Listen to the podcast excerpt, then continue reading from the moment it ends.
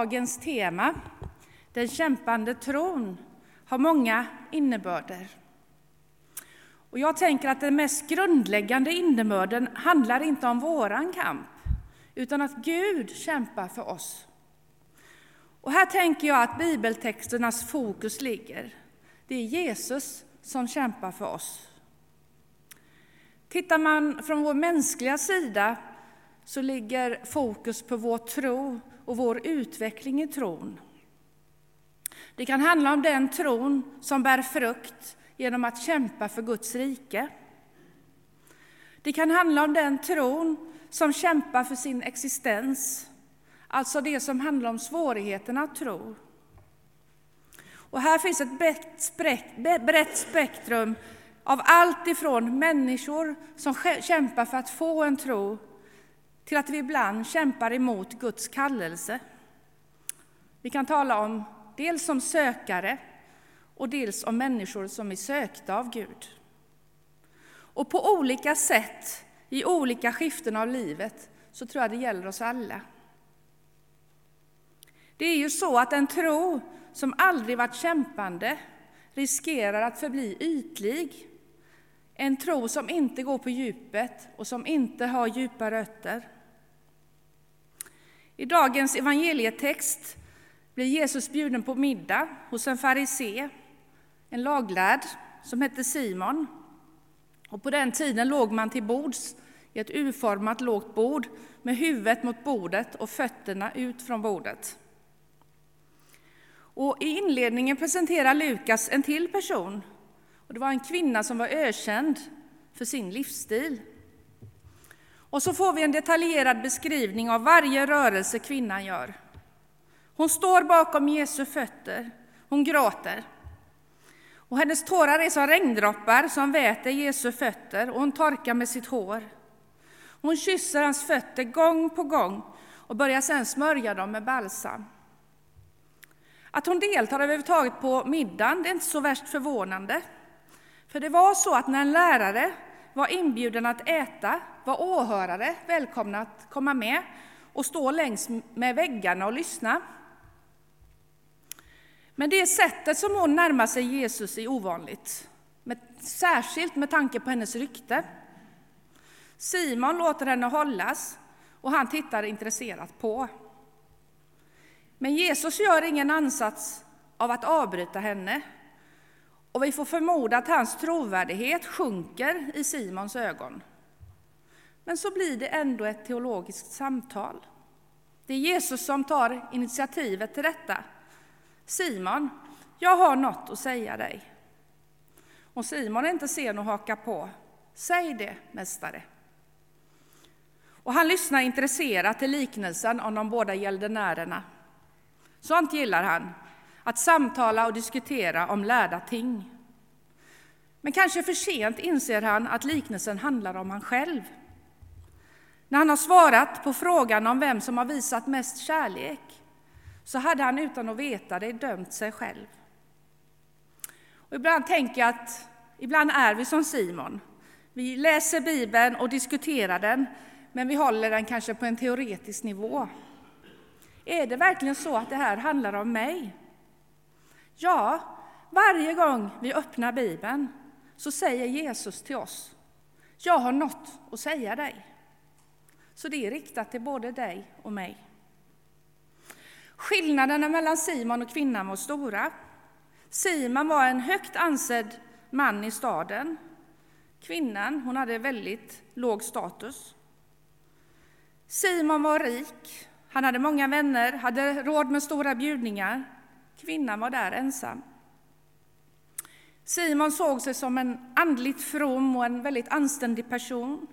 Och kvinnan var väl medveten om sina synder.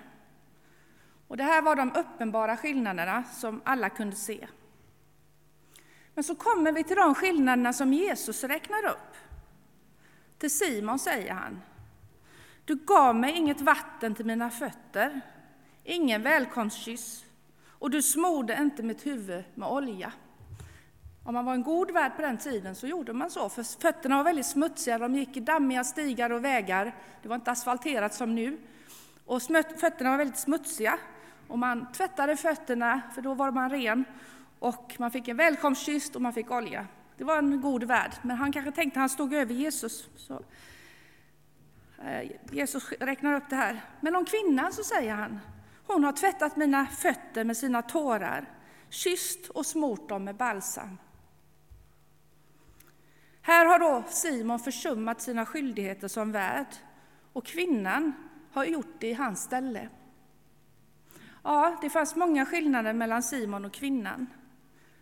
Är det så stora att det inte finns några likheter? Eller finns det det? Liknelsen som Jesus berättade handlar om två personer som stod i skuld till en penningutlånare. Och det var ju, de båda var ju Simon och kvinnan, förstår vi.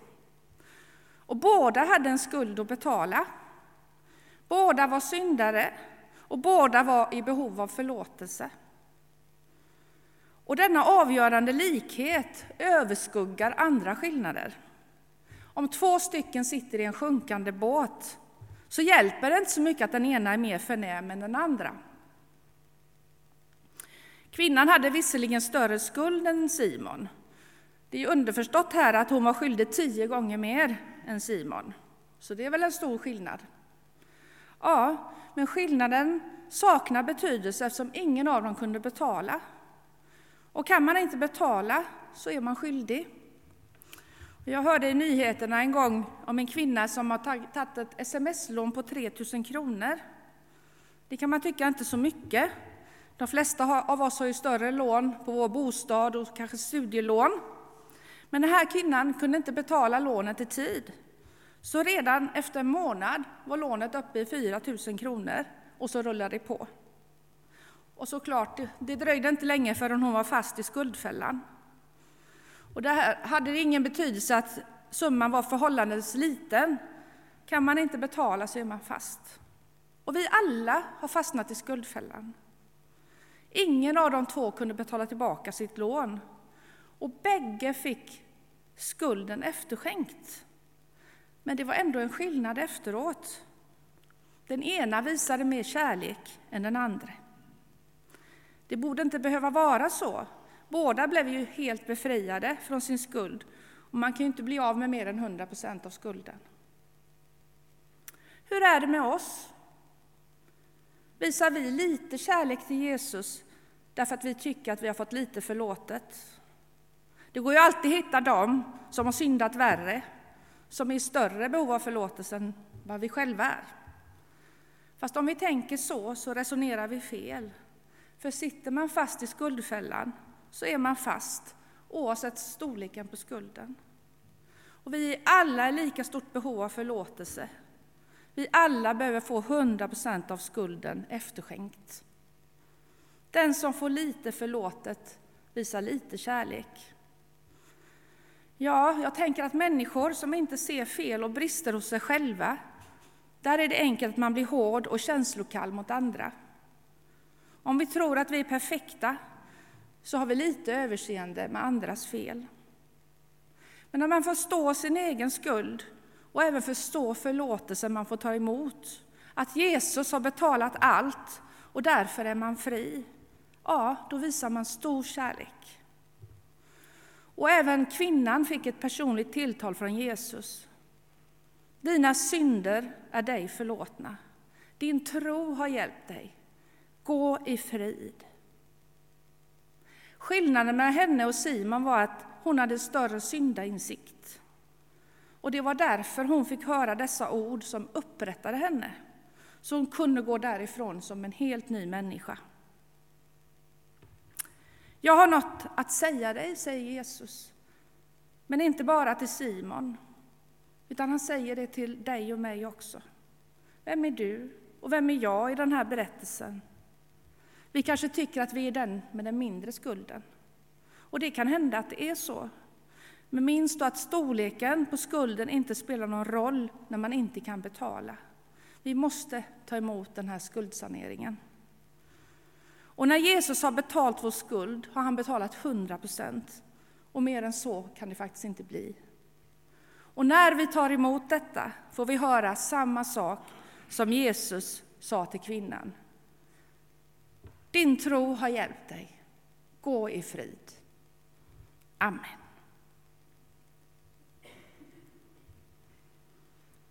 Vi ska nu gå in i en stund av förbön och lovsång.